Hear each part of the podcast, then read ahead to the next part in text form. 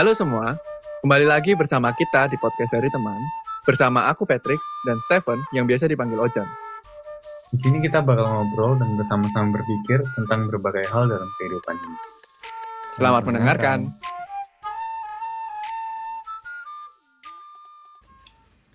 Yeay. Episode 54. Kita udah jauh. Udah bukan jauh sih. Udah banyak ya kita ngupload ya. Cukup lah ya. 55 terakhir atau Aduh. Aduh. Hari ini kita dapat apa istilahnya? Request. Request. Oh iya benar request. Request dari salah satu temanmu. Kali ini yang request. Pendengar setia kita juga. Oh iya. Oh iya. Oh dia pendengar ya? Hmm. Wah, aku gak kenal tapi terima kasih sudah mendengarkan. apa dia request apa Jan? So, dia temen SMP ku. Hmm. Terus habis gitu dia request namanya Mayang. Eh, jangan salah ngomong. Eh, bahaya ya namanya Iya itu kan? bahaya. M. Wih, wayang ya kan. Bahaya loh, wayang itu apa?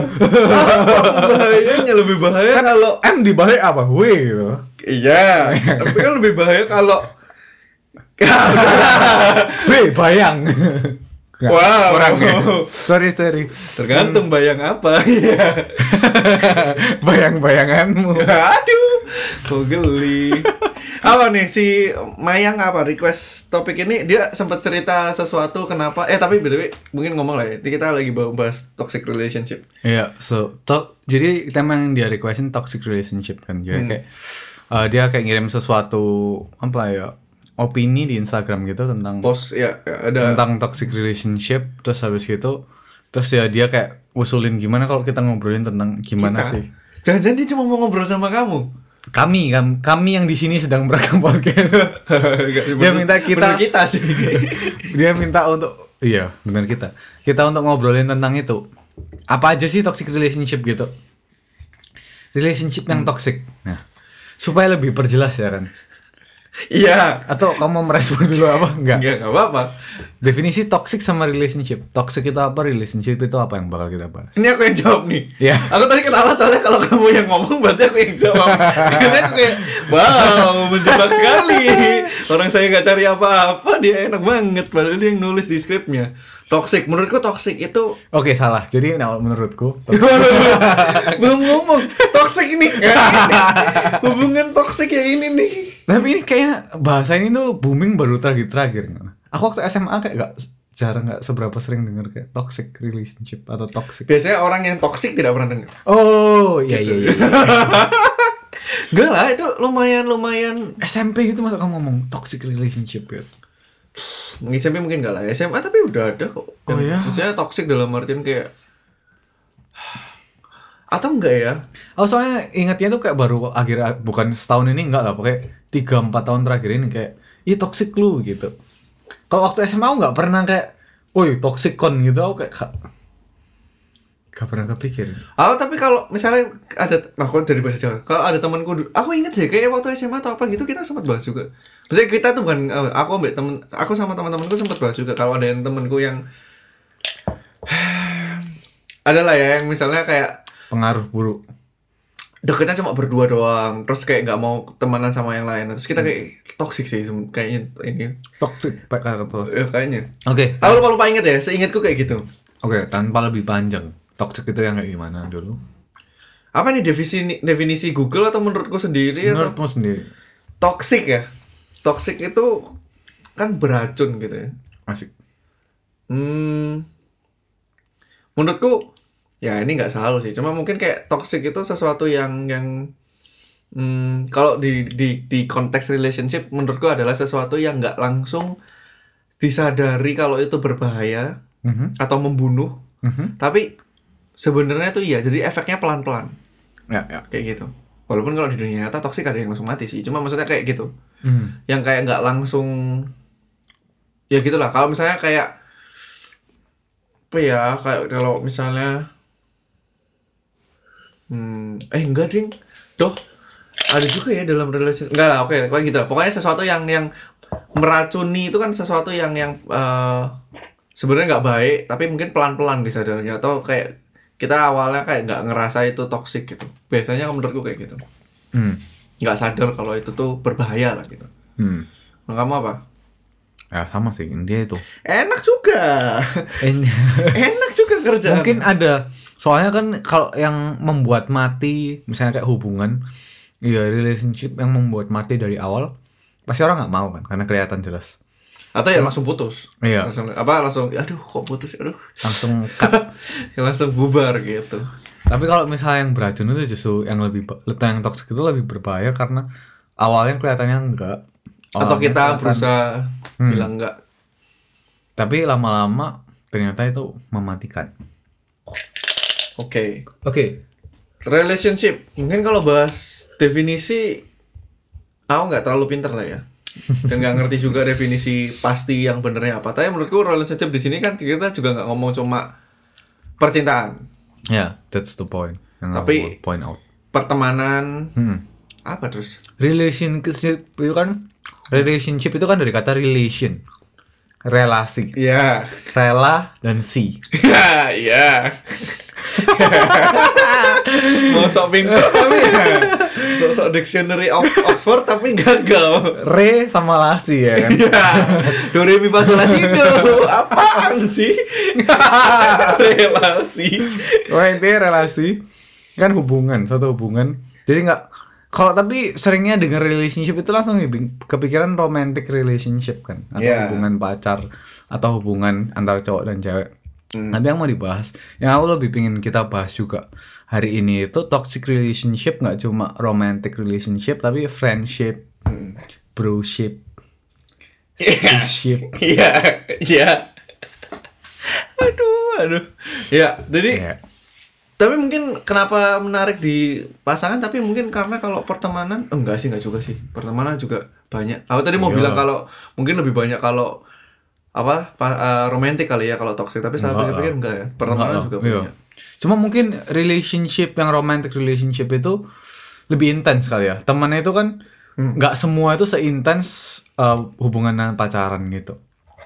iya ya gitu Dan dan makanya Hmm. mungkin kalau yang pacaran itu karena intens khasiatnya itu kayak atau racunnya itu lebih mematikan lebih lebih sakit ya lebih ya bahaya mematikan. Ya, lebih bahaya. ya Ya. Ya. Nah, mungkin sebelum kita masuk kayak pengalaman kita masing-masing atau apa yang kita mau bahas lebih dalam, kita nggak di sini juga aku mau kayak bukan disclaimer lah ya kasih point, point out sedikit juga. Kita nggak bahas sesuatu yang physically abusive ya, Hmm. mungkin karena kayak aku nggak punya pengalaman walaupun pertemanan juga yang physical abusive sih. Gak tau kalau kamu dulu bully orang sempat pukulin orang nggak? Hmm. Kalau ngomong iya di penjara bisa jadi bukti ini soalnya ya kan. Eh, Kalau ngomong enggak, hati nuraniku kurang tenang ya. kan? Jadi gimana? Mending masuk penjara atau nggak tenang? No comment aja. Untuk yang merasa korban kontak aku aja. aku koordinasi. tapi ya, tapi kita nggak nggak kayaknya lebih ke aku lihat dari apa yang poin-poin yang kita mau sampaikan kita nggak bahas ke arah situ. Iya, soalnya itu udah jelas lah ya. Kalau physical abusive itu ya udah jelas toxic, udah jelas nggak baik. Dan mungkin lebih pembahasannya kalau kayak gitu gimana kita sad apa maksudnya bisa keluar dari hubungan Iya, itu atau betul. kayak gimana kan dan kita nggak punya apa ya nggak punya pengalaman juga atau Betul. juga nggak punya teman dulu yang Iya. sampai apa apa sih mukul atau apa gitu ya Iya. jadi kayak nggak nggak relevan dan kita juga nggak ngerti makanya kita lebih ke emotional abuse gitulah ya mungkin Iya. Lebih yang gak kelihatan mungkin toxic tapi mungkin sebenarnya kalau dipikirin lebih lagi itu ya toxic baik, ya, ya toxic. baik berbahaya dan em, juga mungkin yang aku juga mau point out toxic itu juga kalau kita ngomongin toxic relationship ya nggak cuma berbahaya buat hubungannya tapi buat masing-masing individu di dalamnya Iya. kayak ya itu dua-duanya ter apa ya terpapar sama bahayanya lah Hmm. oke kelamaan Yuk, introduction ya yang pertama kita mau ngomong apa Jan diam itu toxic. ya ini sesuai sama yang di post yang opini Iya. Mayang kan. Iya. Makanya kita juga mungkin bahas ini dulu. Hmm. Waktu aku pertama baca kayak menarik, diem itu toxic kayak Hmm. kan seringnya itu diam adalah emas ya kan. Mm-mm. Silent is gold. Mm-mm. Terus tapi kenapa kenapa kok Aku tadi tuh expect jangan-jangan dia mau bercanda nih. Belum, bukan, bukan, enggak, enggak. Salah sinyal, salah sinyal. So, so-soan kadang-kadang tuh unexpected terus saya gak siap gitu. Tapi yang menarik juga kan diam itu toxic setelah aku baca-baca, setelah aku mikirin juga. Iya sih secara gak langsung. Karena Ya. kalau kita diem terus atau nggak nyatain apa yang kita nggak suka atau kayak selalu nerima aja, Hmm. itu juga nggak baik buat orang yang lagi berhubungan sama kita entah itu secara romantis atau secara pertemanan juga. Hmm. Tapi sebenarnya enak kalau diem aja. Orang yang buat orang yang didiemin, didiemin ini bukan temennya bisu ya satunya ya. Lebih kayak yes man kali ya. Iya betul betul. Itu juga enak juga kan kayak oh iya ya semua semua semua semua semua semua semua dia itu iya atau dia itu kayak Ikut aja. afirmasi terus Iya. gitu. Bagus sekali. Tapi ya mungkin karena juga itu ada kon ah, bukan kontradiksi ya. Maksudnya em, pemikiran pertama ketika toxic dan kita bilang emotional abuse itu ketika mungkin kalau yang yang jelas mungkin yang orang setuju adalah ketika misalnya kayak yang ngekang Hmm. atau yang ngomong kayak kamu kok gitu sih atau ngomong sesuatu yang yang ngerti nggak ya tapi Hmm. dan selama ini kayak yang diem itu selalu seolah-olah victim gitu Iya, iya, dalam iya, toxic iya. relationship betul, ini. Betul betul betul. Dan ini jadi menarik karena ketika ternyata yang diem itu take part membuat suatu hubungan itu juga menjadi toxic, Hmm. Iya. ya kan? Contohnya. Wah. jadi waktu itu Nah. Enggak, enggak. Nah, Ketembak bingung. aduh, aduh. Ya, em, contohnya ya ya ya aku kayak gitu sih di hubungan yang sebelumnya. Nah. karena ya mungkin aku nggak sediem itu ya bukan yang se yes man itu cuma aku eh, lumayan males konfront gitu kan Hmm. jadi kayak aku kasih tahu sekali dua kali terus kalau masih kayak berlibet berlibet gitu dan dia lagi aduh Oh. yang pada saat itu nggak dianya nggak nggak misalnya nggak mau bukan nggak mau ngerti lah nggak bisa aku nggak nggak terconvince gitu Iya. ya udah aku diem aja ya udah aku iya ya, Menghindari konflik ya kan. Ya karena aku main timid. Ada Ah. kayak timid juga, bukan timid sih. Ya timid gitu. Apa ya istilahnya? Kayak males konfront, males males dari sisiku ya. Males males berantem berdebat panjang Mhm. dan males kayak aku kayak capek kadang-kadang capek dalam artian mungkin kan setiap orang level capeknya beda-beda tapi kayak aku udah kayak ngerasa capek kalau udah dua kali tiga kali jelasin terus nggak nggak nangkep Ya. jadi ya udah terus aku biasanya kayak menipu diriku sendiri kayak ya mungkin nanti pelan-pelan bisa diubah atau oh ya eh, Hmm, mungkin apa ya mungkin aku yang harus beradaptasi karena mungkin itu memang karakternya seperti itu kayak gitu. Hmm, hmm, hmm. ya dan waktu aku baca pertama kali kan kamu share juga kan yang dikasih sama Mayang. Kamu sempat nggak terima nggak lah gitu. Masa aku toxic berarti kok gitu? Kan aku merasa tertuduh kan. Kesel aku.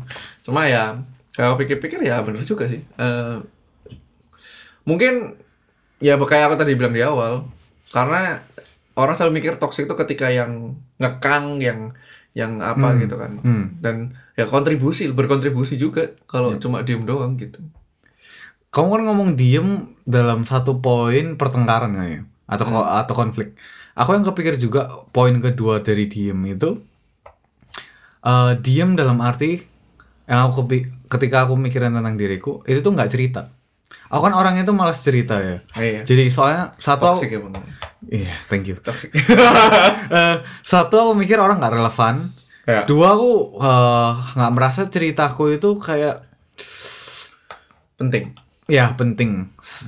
Terus habis gitu, tapi dari sana itu baik dari hubungan pacar atau hubungan pertemanan. Kalau nggak cerita tuh diem aja, orang itu jadi nggak kenal diri kita, atau nggak kenal aku yang nggak bercerita. jadi bingung Hmm. Kok jadi kayak setengah curhat ya? Karena itu kan dari cerita meskipun nggak sepenting-pentingnya pun itu itu kan menunjukkan kalau cara berpikir kita, apa yang kita uh, konsumsi dalam arti media ataupun input yang kita terima. Hmm. Terus dari cerita sedikit pun nggak penting-pentingnya itu jadi ya mengen teman kita itu jadi kenal oh dia itu sukanya kayak gini. Oh dia itu uh, kalau masalah kayak gini tuh mikirnya kayak gini. Hmm, hmm. Ya itu itu sih yang kepikir juga kenapa diam itu toxic.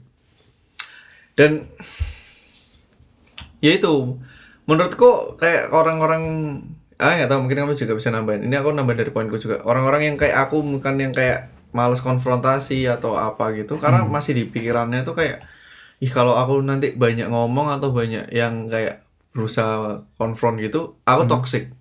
Hmm. Ya, karena itu kayak nggak ngerasa kayak oke kan mungkin ter- ter- terpaku pada konsep ya kayak pacar itu berarti berasa, belajar menerima apa adanya. Hmm. Nah, Hmm. jadi kayak ya benar kita harus menerima tapi kan menerima tuh bukan berarti kayak nggak mengasih feedback untuk supaya pasangannya bisa jadi lebih baik juga. Hmm. Dan kalau dalam hubungan apa pun ya, misalnya pacar atau teman juga, kalau kita cuma diem doang dan kita nggak mendukung teman kita untuk berubah menjadi lebih baik dengan nggak ngasih tahu feedback, ya itu harusnya kita, misalnya buat yang kayak aku, kita harus sadar kalau itu tuh kita udah toxic. Hmm. Hmm. Karena kita membiarkan teman kita tuh kayak kita nggak mungkin nggak membunuh, tapi membiarkan dia kayak membusuk dengan sendirinya pada Iya. kesalahan atau kejelekan yang mungkin dia nggak sadar kalau itu salah gitu. Menurutku juga didukungnya itu malas konfrontasi itu dengan pemikiran oh aku tuh mengejar kedama damai ya kan. Iya. Jadi oh nggak eh, jangan ada pertengkaran lah. Jadi ngejar damai yang penting eh, makanya aku diem aja karena kedamaian itu yang aku kejar. Tapi aku barusan pas banget beberapa hari lalu tuh baca buku tentang itu juga. eh mengejar kedamaian itu bukan berarti apa pun iya diiyain. Hmm. Karena kalau misalnya contohnya contoh ekstrim lah ya. Hmm. Ada orang saya contoh yang paling aku kepikir itu Hitler. Hmm. Hitler mau misalnya ngebunuh beribu-ribu orang di konsentrasi camp itu bukan berarti ngejar kedamaian terus kita menyetujui ketika kayak kita punya ngerti gak? Ya. Itu bukan definisi kita mengejar damai yang benar gitu. Dan kadang-kadang karena males konfrontasi atau males ngomong terus kayak sih udah daripada tengkar iya aja lah gitu. Males berdebat. Iya sih. Mas kayak dulu tuh kau jadi cerita kayak Nah. ya sih sampai sekarang sih sebenarnya Sam- termasuk sama kamu juga Iya. aku tuh males kadang-kadang tuh kayak harus meyakinkan kalau yang aku pikir itu bener atau maksudnya kayak Hmm. menjelaskan secara detail kalau orang itu nggak ngerti misalnya kayak aku ngomong sesuatu terus kamu nggak misalnya kamu lah ya nggak ngerti cara pikirku itu Hmm. aku tuh males kayak aku ayo udah lah dia nggak ngerti ya udah gitu Ah, aku tuh iya, males iya. kayak kayak ngerti gak sih kan ada orang kayak nggak bisa kamu tuh harus nge- ngerti iya. apa sih yang tak pikir nah aku tuh lebih kayak kadang-kadang ya udah lah nggak ngerti ya wes mau mau mau dipaksa aku selalu kayak gitu deh pak Iya. kayak gitu sih Menurut eh, yang aku pikirin bukan untuk mengejar harus agreement. Hmm. Bukan berarti harus setuju. Iya. Cuma sebisa mungkin apa yang kita pikirin itu tersampaikan dengan jelas. hmm. Berarti harus sepakat sama-sama. Hmm. Tapi itu paling nggak jelas gitu loh. Gak cuma asal ya lah gak ngerti kayak udah. ya nah itu kayak ya itulah oke Udah? poin, poin diem lah ya. Diem dalam konflik, diem dalam nggak cerita juga. Hmm. terus diem dalam for the sake of peace atau for the Ya. sake of kedamaian itu juga tricky kadang-kadang nggak selalu kayak gitu Tapi bukan berarti kalau apa ya? Gak baik juga kalau misalnya bukan ekstrem satunya juga kan. Misalnya oh iya dikit-dikit oh Gak bisa. dikit-dikit Terus akhirnya berantem. Oh, iya. Terus temenan macam apa itu? iya iya ya. Oke, poin selanjutnya adalah ini yang menarik karena kamu yang ngomong menjadikan ah kenapa dibuat jadi juru selamat? Menjadikan pasangan kita juru selamat. Apa nih maksudnya? Ah ini buat aku ini tuh menarik banget. Eh, pertama itu kan Tuhan ya. Iya. Tapi aku ngerasa lebih pas juga itu menjadi pasangan kita itu juru selamat. Terkesannya agak kristiani atau agak Iya. rohani gitu Iya, kan. ini kan kata-kata yang melekat di Christianity iya juru selamat savior gitu. Iya. tapi kenapa aku jadi antusias banget ya Iya, kan kamu kalau udah Christianity langsung Iya iya ini ini ini, ini gitu.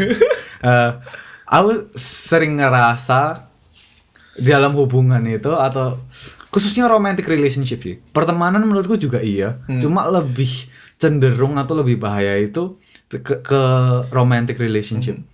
Kita itu membuat pasangan kita itu jadi Tuhan atau jadi juru selamat kita. Hmm.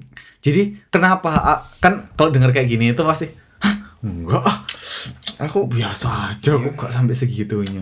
aku nggak bucin kok. Tapi secara gak langsung itu cenderung kayak gitu karena dia itu sosok yang kita puja secara gak langsung. Puja itu bukan berarti kayak oh haleluya terus Ya, nyembah-nyembah kayak gitu. dia datang terus kayak Gue jadi kayak pembantu ya kalau kayak gitu ya. Kalau nunduk-nunduk gitu ya.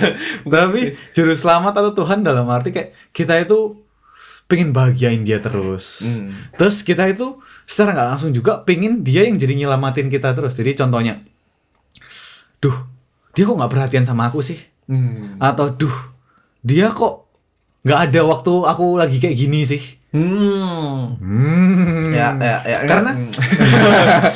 Karena itu kan- gitu dong.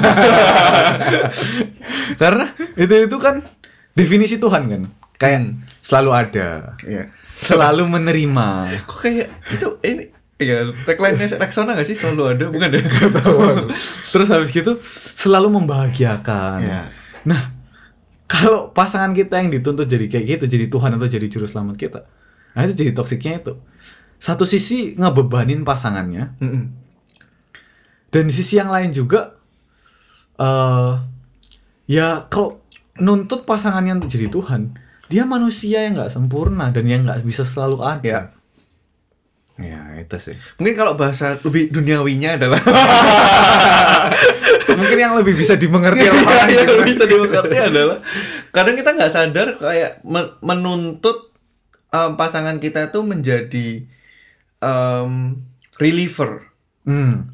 menuntut pasangan kita itu menjadi apa pun sih nggak cuma reliever mungkin yang yang membuat kita kalau lagi sedih itu menjadi bahagia yang kalau kita lagi bingung dia yang bisa ngasih jawaban Hmm. kalau yang kita lagi eh apa berantem sama siapa dia yang bisa menenangkan Iya. bukannya salah Iya. cuma kan pasangan kita juga punya kesibukan ini aku juga setuju sama teman-teman juga sih apa teman-teman kita kan juga punya kesibukan Betul betul. Ya, teman juga penting banget. Bisa juga teman jadi kayak gitu. punya kesedihan juga dia kan nggak bisa selalu gembira ya kan maksudnya ketika kita misalnya lagi sedih terus ada teman kita juga sedih kan susah ya kalau kita mau menghibur orang yang sedih orang kita juga lagi sedih gitu Hmm.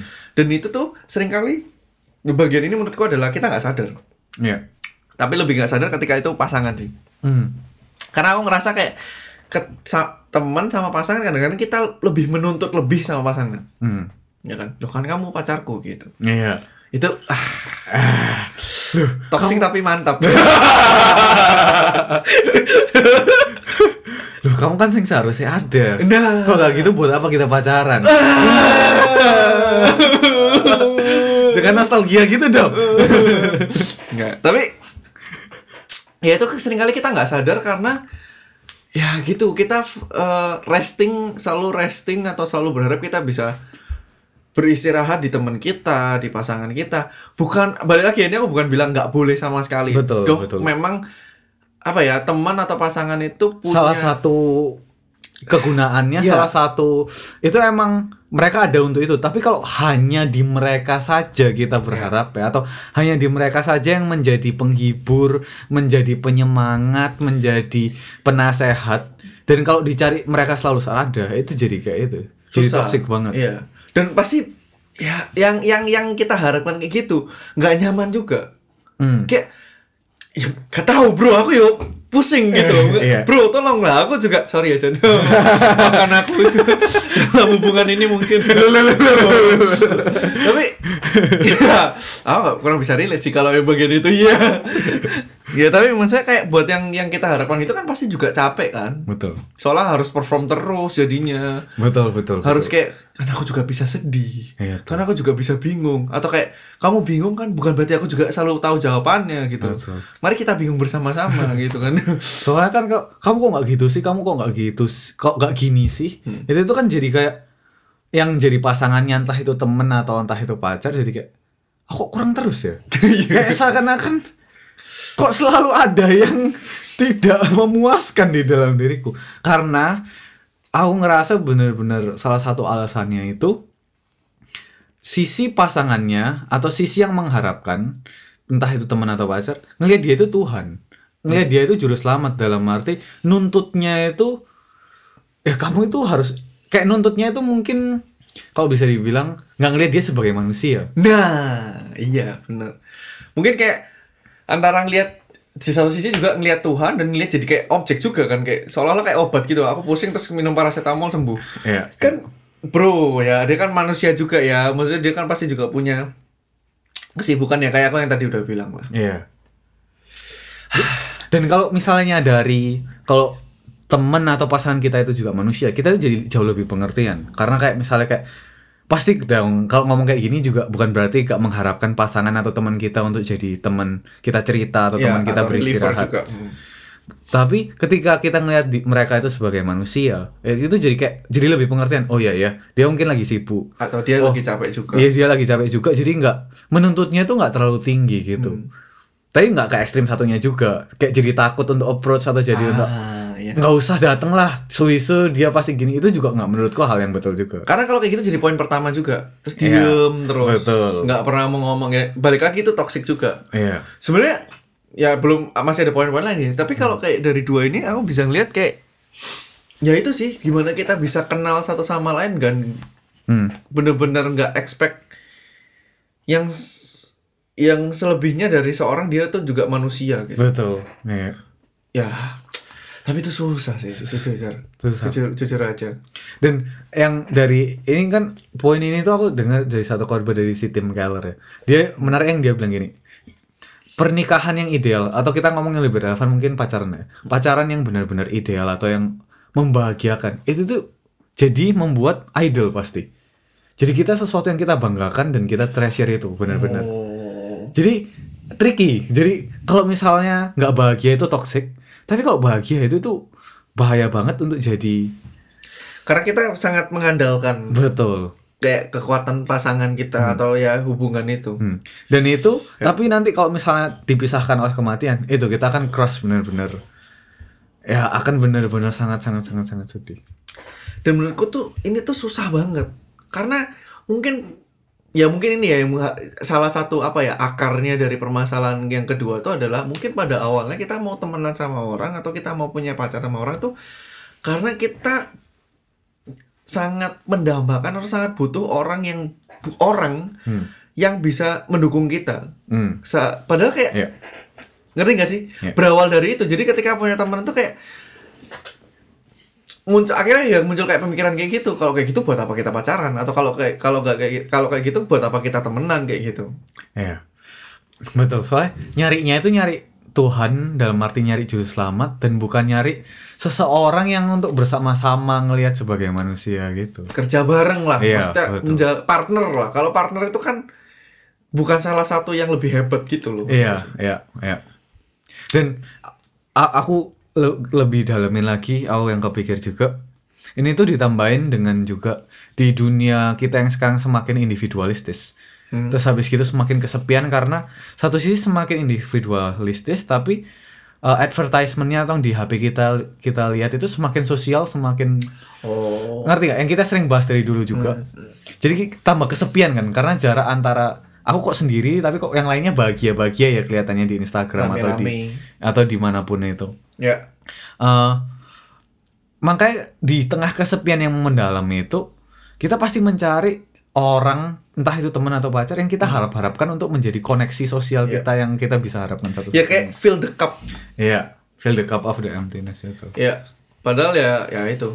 Yang mungkin idealnya atau lebih baik sebenarnya kita tuh kok jadi ke arah sini ya? Kayak penuh bukan Oh Ya, iya, tapi- suisu kalau itu. ya itu kayak kita udah pernah bahas juga lah. Iya.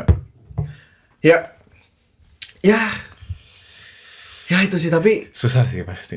jujur susah banget kayak misalnya Susah kayak banget. aku sendiri kayaknya pernah deh jadi orang yang kayak gitu. Kalau kayak Hmm. gini buat apa gini? Kalau misalnya kayak- apa misalnya kayak dulu aku lebih aneh. Kalau kamu nggak mau cerita sama aku terus buat apa kita pacaran kayak gitu? Hmm. Misalnya. Atau kalau- Demanding cerita gitu ya. Iya kalau kamu nggak ini padahal mungkin di satu sisi ya dia manusia juga atau apa? Ini bukan spesifik yang sebelumnya ya. Iya iya iya. Iya. sebelum sebelumnya juga Iya, ya? ya. Iya, bukan iya. spesifik ke salah satu mantan ya? Kan mantan banyak. Wih kok sombong? Kok sombong? Denial itu menunjukkan disclaimer menunjukkan?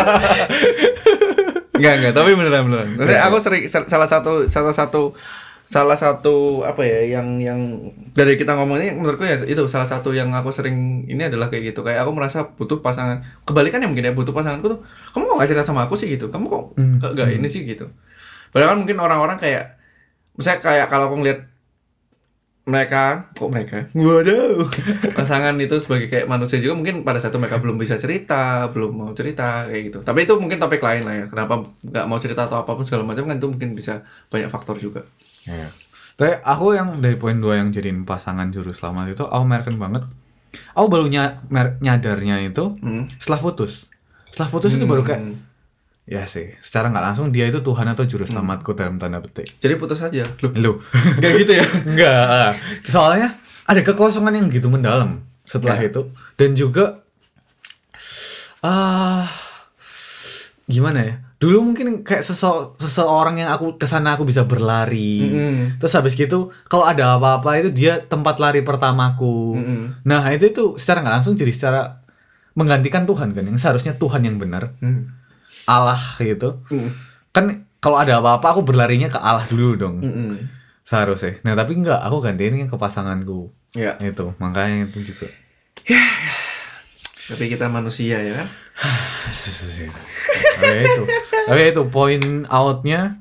Kalau kita jadiin pasangan kita entah itu romantis atau teman itu juru selamat itu akan toksik banget. Karena Hmm. ngebebanin mereka dan juga nggak akan memuaskan kita. Nggak akan bisa kita Kenal. puas. kenal benar banget. Oke. Aku, aku boleh cer- cerita a story gak? boleh. Kalau bisa yang personal dan yang recent. Oh, aduh personal nggak sih? Soalnya aku baca dari buku. ya Iya iya. boleh boleh silakan. Jadi di bukunya The Great Divorce-nya si S. Lewis itu dia nulisin jadi orang-orang dari neraka itu trip ke surga gitu kan. Terus ada satu cerita tentang kayak ibu-ibu lagi ngomong sama eh, kayak adiknya dia. Mm. Terus habis gitu ibunya ini itu eh jadi anaknya dia itu tuh di surga. Ibu ini ini di neraka. Iya. Ini fik- fiksi ya, benar-benar fiksi Iya, ya, fiksi. guys. Ini, Bukan eh, cerita bukan teologis. Iya. ini benar-benar fiksi novel gitu. Terus habis gitu dia itu ngomong-ngomong sama adiknya. Ah, kasih nama aja lah supaya lebih gampang. Hmm. Ibu Tina sama eh, Tini, eh, cowok adik adik E itu Tony. ya Tina sama Tony terus anaknya anggap aja Abdul. Jauh. Terus jauh. Ibu, Ibu Tina ini ngomong ke si Tono. Eh, Tony. Tony. si Tony kayak, duh, kenapa sih anakku itu nggak bisa bareng-bareng sama aku? Hmm. Duh, aku itu kan yang seharusnya ngayomi dia. Cuma aku satu-satunya yang bisa ngerti dia. Hmm. Cuma aku satu-satunya yang bisa eh eh, memberikan dia yang dia mau 100% gitu. Hmm. Nah, terus tapi si Tony ini ngomong, ketika kamu kayak gitu ke si Abdul ini, Hmm. itu secara nggak langsung itu nyapain Abdul karena Abdul itu kayak merasa digandoli terus sama kamu. Hmm. Terus Abdul itu jadi diekspektasiin terus sama kamu berlebih-lebihan sehingga dia itu jadi capek dan sebenarnya itu bukan hubungan yang sehat. Karena yang paling sehat Abdul sekarang udah di surga dan menerima sukacita yang pulang penuh itu. Tapi si Ibu Ti. Tina Tina tuh Tini. Tini. Oh, Ibu Tini ini tadi aku kok jadi lupa. Tina.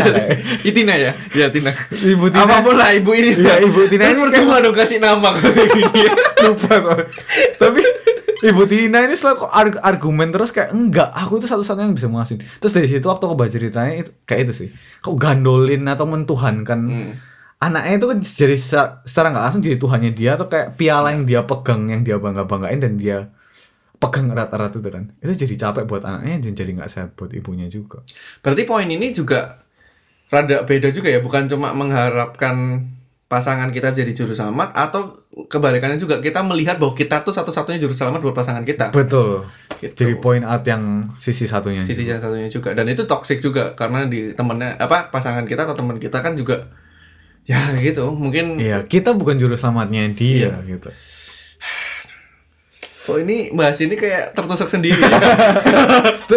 Soalnya apalagi buat cowok ya. Cenderung aku ngerasa itu kita tuh kan yang harus melindungi ya. ah, ya. Harus yang kayak ada di setiap saat ya. Iya. kan?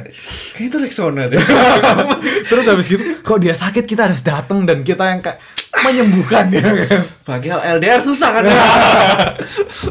Dan itu jadi capek juga itunya kayak nggak bisa kita bukan juru selamat dan kita punya terbatas dan kita Iya. Ya nggak mungkin lah untuk kita jadi juru selamatnya Hmm, hmm.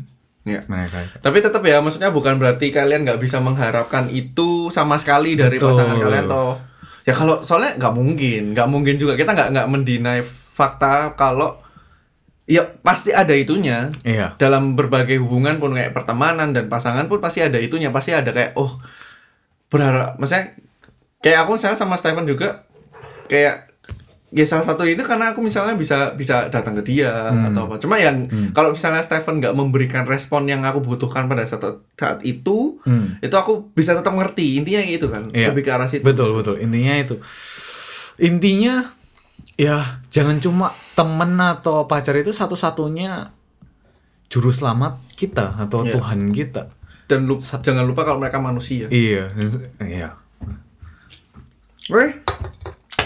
Wah, yang kedua ternyata panjang banget. Kita masuk ke poin selanjutnya. Yang oh ini yang menarik juga ini. Poin selanjutnya ini aku juga sangat relate. Ah. Karena mungkin sama kayak apa yang aku bilang di pertama kalau aku tuh orangnya kan kayak sangat hmm, ya mungkin juga pengen diterima, terus juga males males konflik dan segala macam. Poin selanjutnya itu adalah ketika kita berubah eh, dan memaksakan kita tuh berubah supaya di ya, berubah kan pasti nggak jadi diri kita sendiri ya, tapi Iya. itu kita paksa supaya kita diterima. Iya betul. Baik sama teman kita atau sama pasangan kita. Supaya kalau gampangannya lebih gamblang lagi supaya teman kita tuh senang sama kita atau sama pasangan kita pasangan kita tuh senang sama kita. Iya. Itu aku sering sih. Jujur aku sering sih. Contoh gimana kayak kita dulu lah maksudnya. Aku dulu nggak terlalu suka drama Korea kan. Ah. Jadi kayak, kayak ya gimana? Kamu kan nggak bisa ngobrol kan gitu. Kayak terus aku nggak nggak in kayak ya gitulah. Kayak aku kayak ah, supaya aku bisa temenan nih atau aku supaya bisa lebih nyambung nih aku bukan salah ya cuma aku nggak nggak menyampaikan kalau sebenarnya nggak su- nggak sesuka itu sesuka atau- itu. Dan mungkin kalau contoh drama Korea nggak terlalu jelek karena Amanda ternyata aku suka ah ngerti? Tapi kan ada juga yang kayak udah dicoba itu sebenarnya nggak suka, ya tetap nggak suka gitu. tapi pura-pura terus ya Pura-pura terus. Nah itu menurutku jadi toxic. Ini ini tuh yang poin ketiga ini kayak menurutku suplemen yang bisa antara jadi baik atau suplemen yang jadi beracun. Nah, Karena kalau misalnya berpura-puranya itu jadi sesuatu yang baik, contohnya eh temen kita atau pasangan kita tuh rajin belajar. mm, Terus habis itu kita yang tadinya malas-malasan atau kurang rajin belajar gara-gara dia kita pertama jadi pura-pura rajin belajar kan. Iya. Tapi akhirnya oh jadi rajin juga, itu kan jadi sesuatu yang baik. Ya. Tapi ketika sesuatu yang buruk, contohnya kita ngambil ekstrim case-nya apa ya? Kalau teman mungkin apa ya ngeklub. Oke, ngeklub atau kayak misalnya ngobrolinnya kasar, vulgar terus yang kasar dan vulgar lah. hmm. Mungkin awalnya Iya, kita nggak sering sih. Ya. awalnya nggak nyaman kan kayak Ya. aduh kok terlalu kasar sama terlalu vulgar ya omongannya ini. Hmm. Tapi karena kita eh, akhirnya kumpul terus, akhirnya kayak berpura-pura awalnya kayak ngomong dikit-dikit, tapi akhirnya jadi kebiasaan juga kita ngomong. Ya. Nah, itu juga itu yang toksiknya karena kita jadi berpura-pura atau melakukan yang menjadi membiasakan hal yang jelek itu akhirnya. Hmm. Dan ya itu juga nggak selamanya work sih. Kayak misalnya kayak Ya. yang contoh kayak ngomong kasar itu pasti ada orang-orang yang kayak sampai kapan pun mereka tetap sebenarnya nggak nyaman. Oh ya, ya. Cuma karena supaya takut kehilangan teman atau ka- kalau mungkin pasangan bukan ngomong kasar lah ya kayak apa ya kalau pasangan mungkin ya ya nggak tahu lah kalau teman gitu takut kehilangan teman terus takut nggak punya teman lagi terus susah cari teman atau segala macam jadi ditelan terus ditelan Iya. terus kayak gitu dan salah satu toksiknya juga kayak gini tuh mungkin mungkin yang tadi bilang kalau suplemen yang baik pun itu juga bisa toksik nggak tahu ya ini aku kepikiran juga bisa toksik karena kita nggak ngomong prosesnya Hmm. nggak ngomong apa yang kita rasain pada saat prosesnya kayak kita kan pura-pura rajin belajar kan Hmm. ter- sebenarnya mungkin kita nggak nyaman banget gitu loh Ah, ya, ya. menurutku kayak bisa lebih baik atau bisa sangat tidak toksik ketika kita ngomong sama pasangan kita gitu aku sebenarnya nggak rajin belajar tapi aku berusaha nih Betul. dan aku kayak aduh sebenarnya aku nggak nikmat apa ada nggak nikmatnya pasti kan berubah kan ada Hmm. apa ya prosesnya kan nggak selalu mulus ya Mungkin ini sebenarnya nyambung sama yang pertama juga kayak kita diem atau kita nggak nyatain apa perasaan kita kan. Mm-mm. Jadi kayak berpura-pura gak jadi diri sendiri itu eh kadang-kadang emang bukan sesuatu hal yang jelek, tapi kalau kita berpura-pura dalam arti kita nggak ngomong apa yang kita benar-benar rasain, itu yang benar jadi toksik karena kita nggak pasangan kita nggak kenal kita apa adanya jadi Hmm. atau teman kita nggak kenal kita jadi apa yang kita rasain itu Ya. benar-benar. ya ya itu sih cuma at, ah, balik lagi kayak ini mungkin sama juga yang kedua itu emang tricky karena hmm, pasti ada adjustment yang harus dibikin Iya, ngerti nggak? Iya, tapi bukan berarti se- setiap hal itu harus di adjust betul. itu yang mungkin ini ya kayak emang mungkin kalau ya ada sesuatu yang kita memang nggak suka atau nggak nggak bisa menikmati ya lebih ke arah menerima. Ngerti nggak? Membu- apa berusaha kasih kesempatan pasangan kita baik teman atau pacar itu untuk menerima kita apa adanya gitu. Hmm. nggak semua itu bisa di adjust masalah kayak gitu menurut aku. Hmm. kayak selera itu menurutku nggak selalu bisa di adjust kan? Iya sih. kayak nonton film misalnya yang satu suka film drama yang satu suka film action.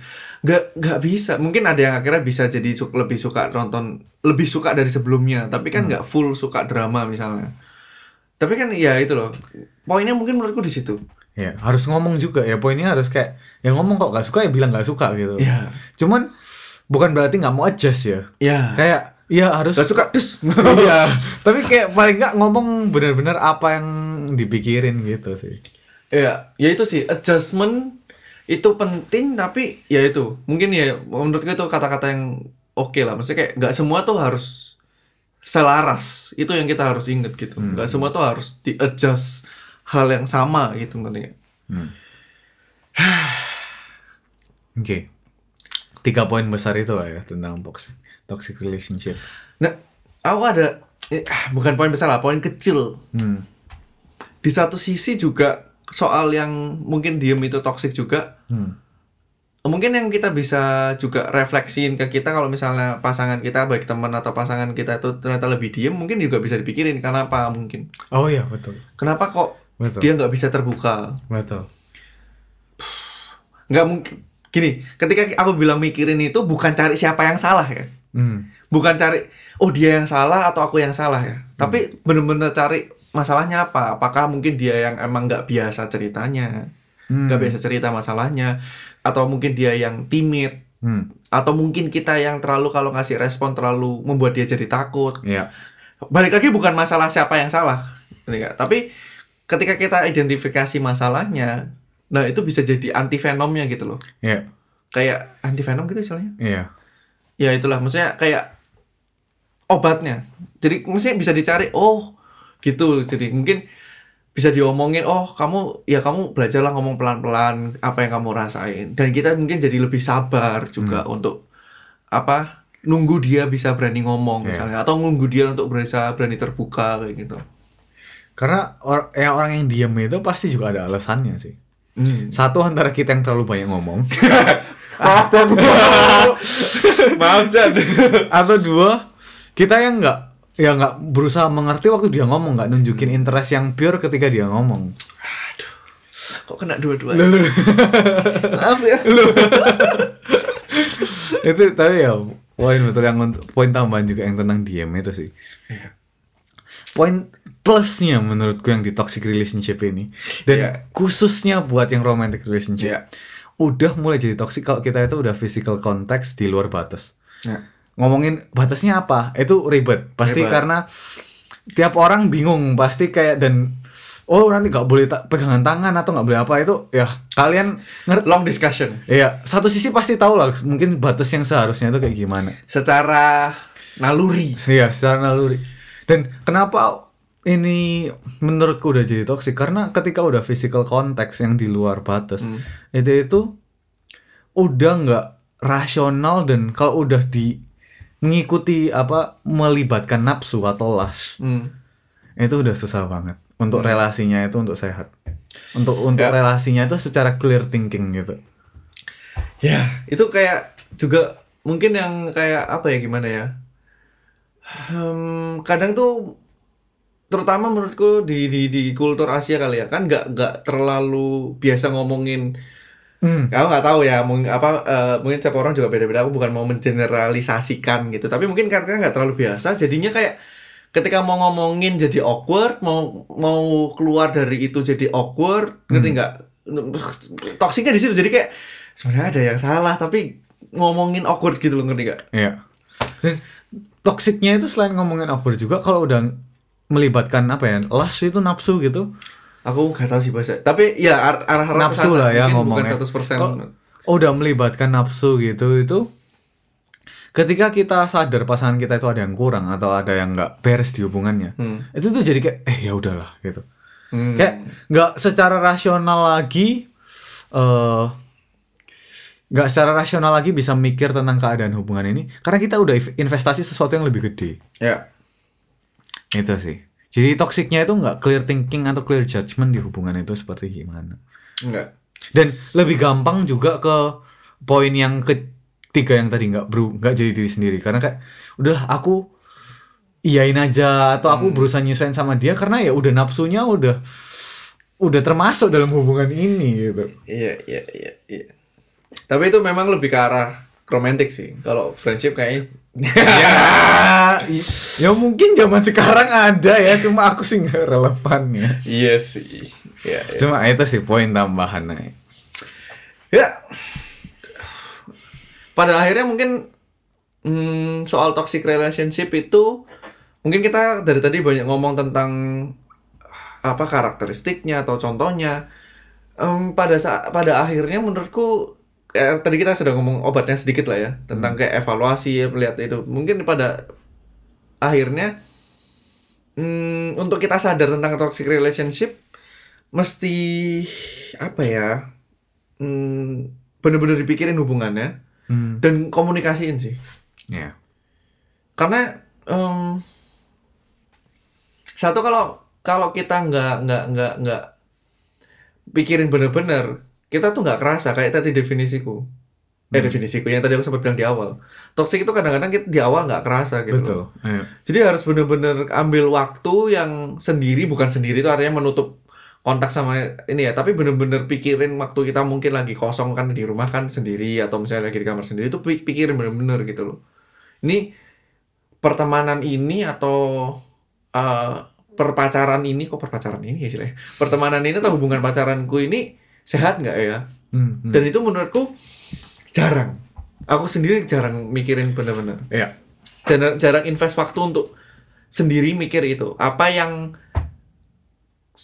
influence apa sih dari buah apa yang udah ada dari hubungan ini bener dari hubungan ini tuh apa yang aku dapat atau aku berubah jadi sesuatu yang lain yang aku nggak mau nggak ya kayak gitu Hmm, hmm. dan kalau ada yang kayak gitu komunikasi. Komunikasiin balik lagi bukan kayak cari siapa yang salah atau siapa yang benar ya. Siapa yang bukan tuduh-tuduhan gitu loh. Tapi kayak balik lagi kalau konsepnya adalah partner kan eh ternyata hubungan pertemanan kita atau hubungan pasang apa pacaran kita ini ini loh kayak ke arah yang sini loh. Gitu. Kenapa ya kita kayak gitu gitu. Hmm. ada lagi Stephen yang tentang physical contact tadi itu. Hmm. sebenarnya kalau yang didengerin yang di luar orang yang mengikut Kristus ya hmm. aku ngerasa tuh kayak hah? Masa pacaran gak ngapa-ngapain? Ngerti kayak hah? Gak mungkin lah. Gitu. ya. Cuma harus jujur kalau udah physical contact atau udah berlebihan itu wis nggak clear judgment lagi. Akan bias banget. Dan satu juga yang aku dengar dari ah sebut nama boleh nggak ya? Si yang per, Arindita ya udah Oh. sebut juga ya. ya yang salah satu teman kita yang udah nikah juga itu si uh, Kak Arya sama si Dita.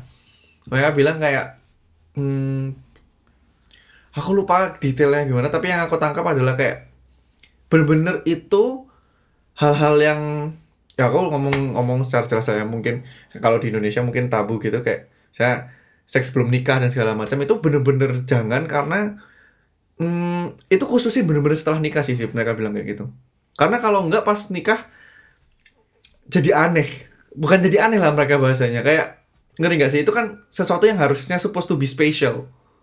Ngeri nggak? Kalau itu sudah dilakuin sebelum sebelum nikah ya ngerti nggak sih? Nggak what- what's the point? Maksudnya kayak nggak spesial lagi gitu. Dan mungkin itu yang udah degenerate ya soal kespesialan bahwa itu tuh harusnya setelah nikah aja gitu Iya. Ya.